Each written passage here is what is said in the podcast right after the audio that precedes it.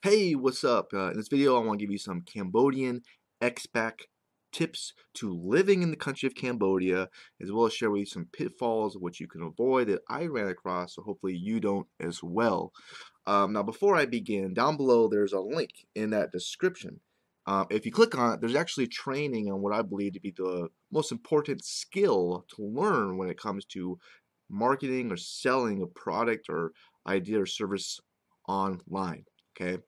Now, to give you some history about myself, I first traveled to Cambodia about maybe five years ago. I went to Thailand and I really loved the country. I just had a great, great time, positive experience.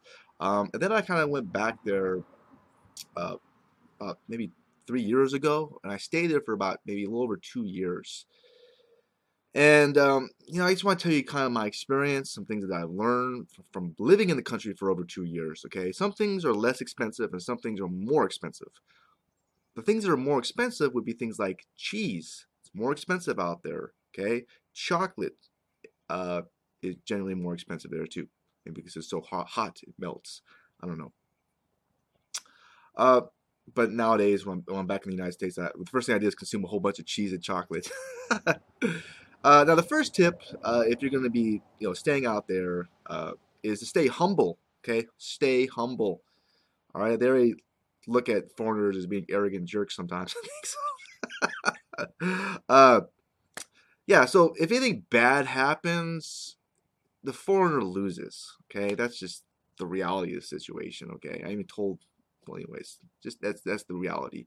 Uh, and just pay money. Don't squabble over too much money. You know, just pay the money and get out of the situation if anything bad happens. A good word to know is kiom som to. That means I'm sorry, I apologize. Kiom som to. Uh, you know, if you do get in a fight or argument with a Cambodian, just realize you're gonna lose. and there's gonna be other Cambodians out there. It's the same way in Thailand. Uh, it's not like America where it's land of the free. You know, everybody's a foreigner. No, in Cambodia, it's a different systems, a different country. I actually ended up being in a Cambo- Cambodian jail cell due to a fight. And I was with two other foreigners who had similar experiences. One got in a fight, the other one was uh, a guy in disagreement with a girl or something. Uh, so that's the way it is. I mean, in Cambodia, you're always going to be seen as an outsider, no matter what. Uh, you're, always going to have like a target on your back, and you're going to be seen as like a walking ATM machine. Okay, uh, don't take it personal. just the way it is. Get used to it. Uh, the second tip I have for you, if you're going to be living in a like a in, in Cambodia, it's generally better to, you know, live in a community with other expats like yourself, Barang. Uh, not like all Cambodians are bad. There's some definitely some great Cambodians out there, uh, lovely people. Uh, but you want to make sure it has the good security. Okay. Look, deep down, the situation is like this. I'm not like not all of Cambodians are this way, but I'm not sure if I should say they don't like you. Uh, there's some truth to that, uh, but they are jealous and they look at you as having an endless amount of money, which may or may not be the case. Uh, but that's the way they look at you, and you know, it's like not all of them steal, but I've gotten definitely some a lot of stuff stolen from me when I was in Cambodia.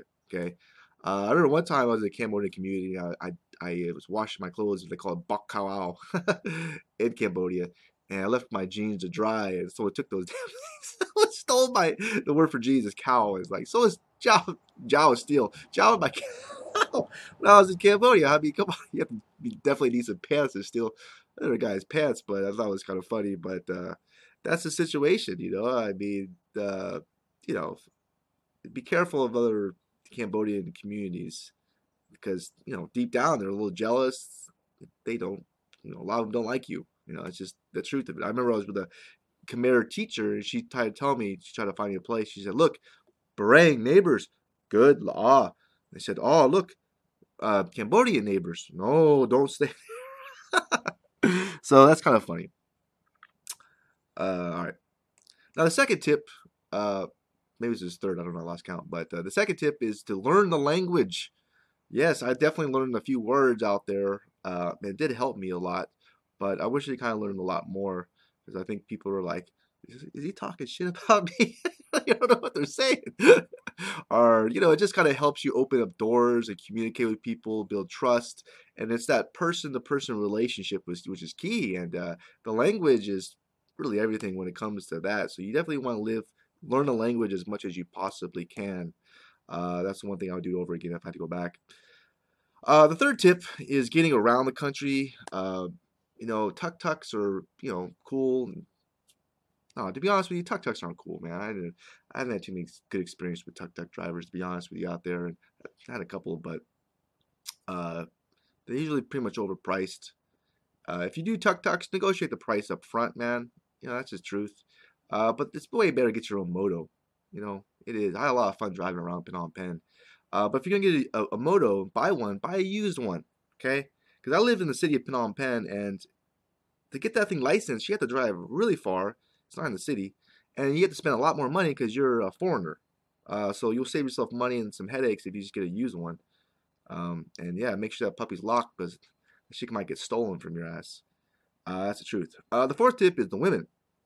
Uh, women are very beautiful. Uh, a lot of them very nice. Some of them are not not very nice. Uh, but I remember I was with another Barang from there. We are kind of friends because we are some, from the same area. I live in Texas too, where he's from, by that area. But he said that uh, you know nothing's real in this country, and there's a little bit of truth to that. You know, it's like uh, a relationship with a Cambodian girl is gonna be gonna be a lot different than a relationship with a Barang girl. It's gonna be probably say more hard, hard, difficult. Uh, you're gonna be seen as a walking ATM by her and her family, and kind of like some of them don't have jobs, so their job is to get as much money from you as they can. Um, and if they don't, because my first girlfriend I was, had over there, she didn't. Um, she didn't get that much money, and her friends would probably make fun of her. We were making fun of her about it, so she tried to up the ante. so it's like that's just the way it is, you know. Don't take it too personal, but hopefully she doesn't have another guy on the side, and it's there just tag teaming you, and her job is to get as much money from you as, as she can.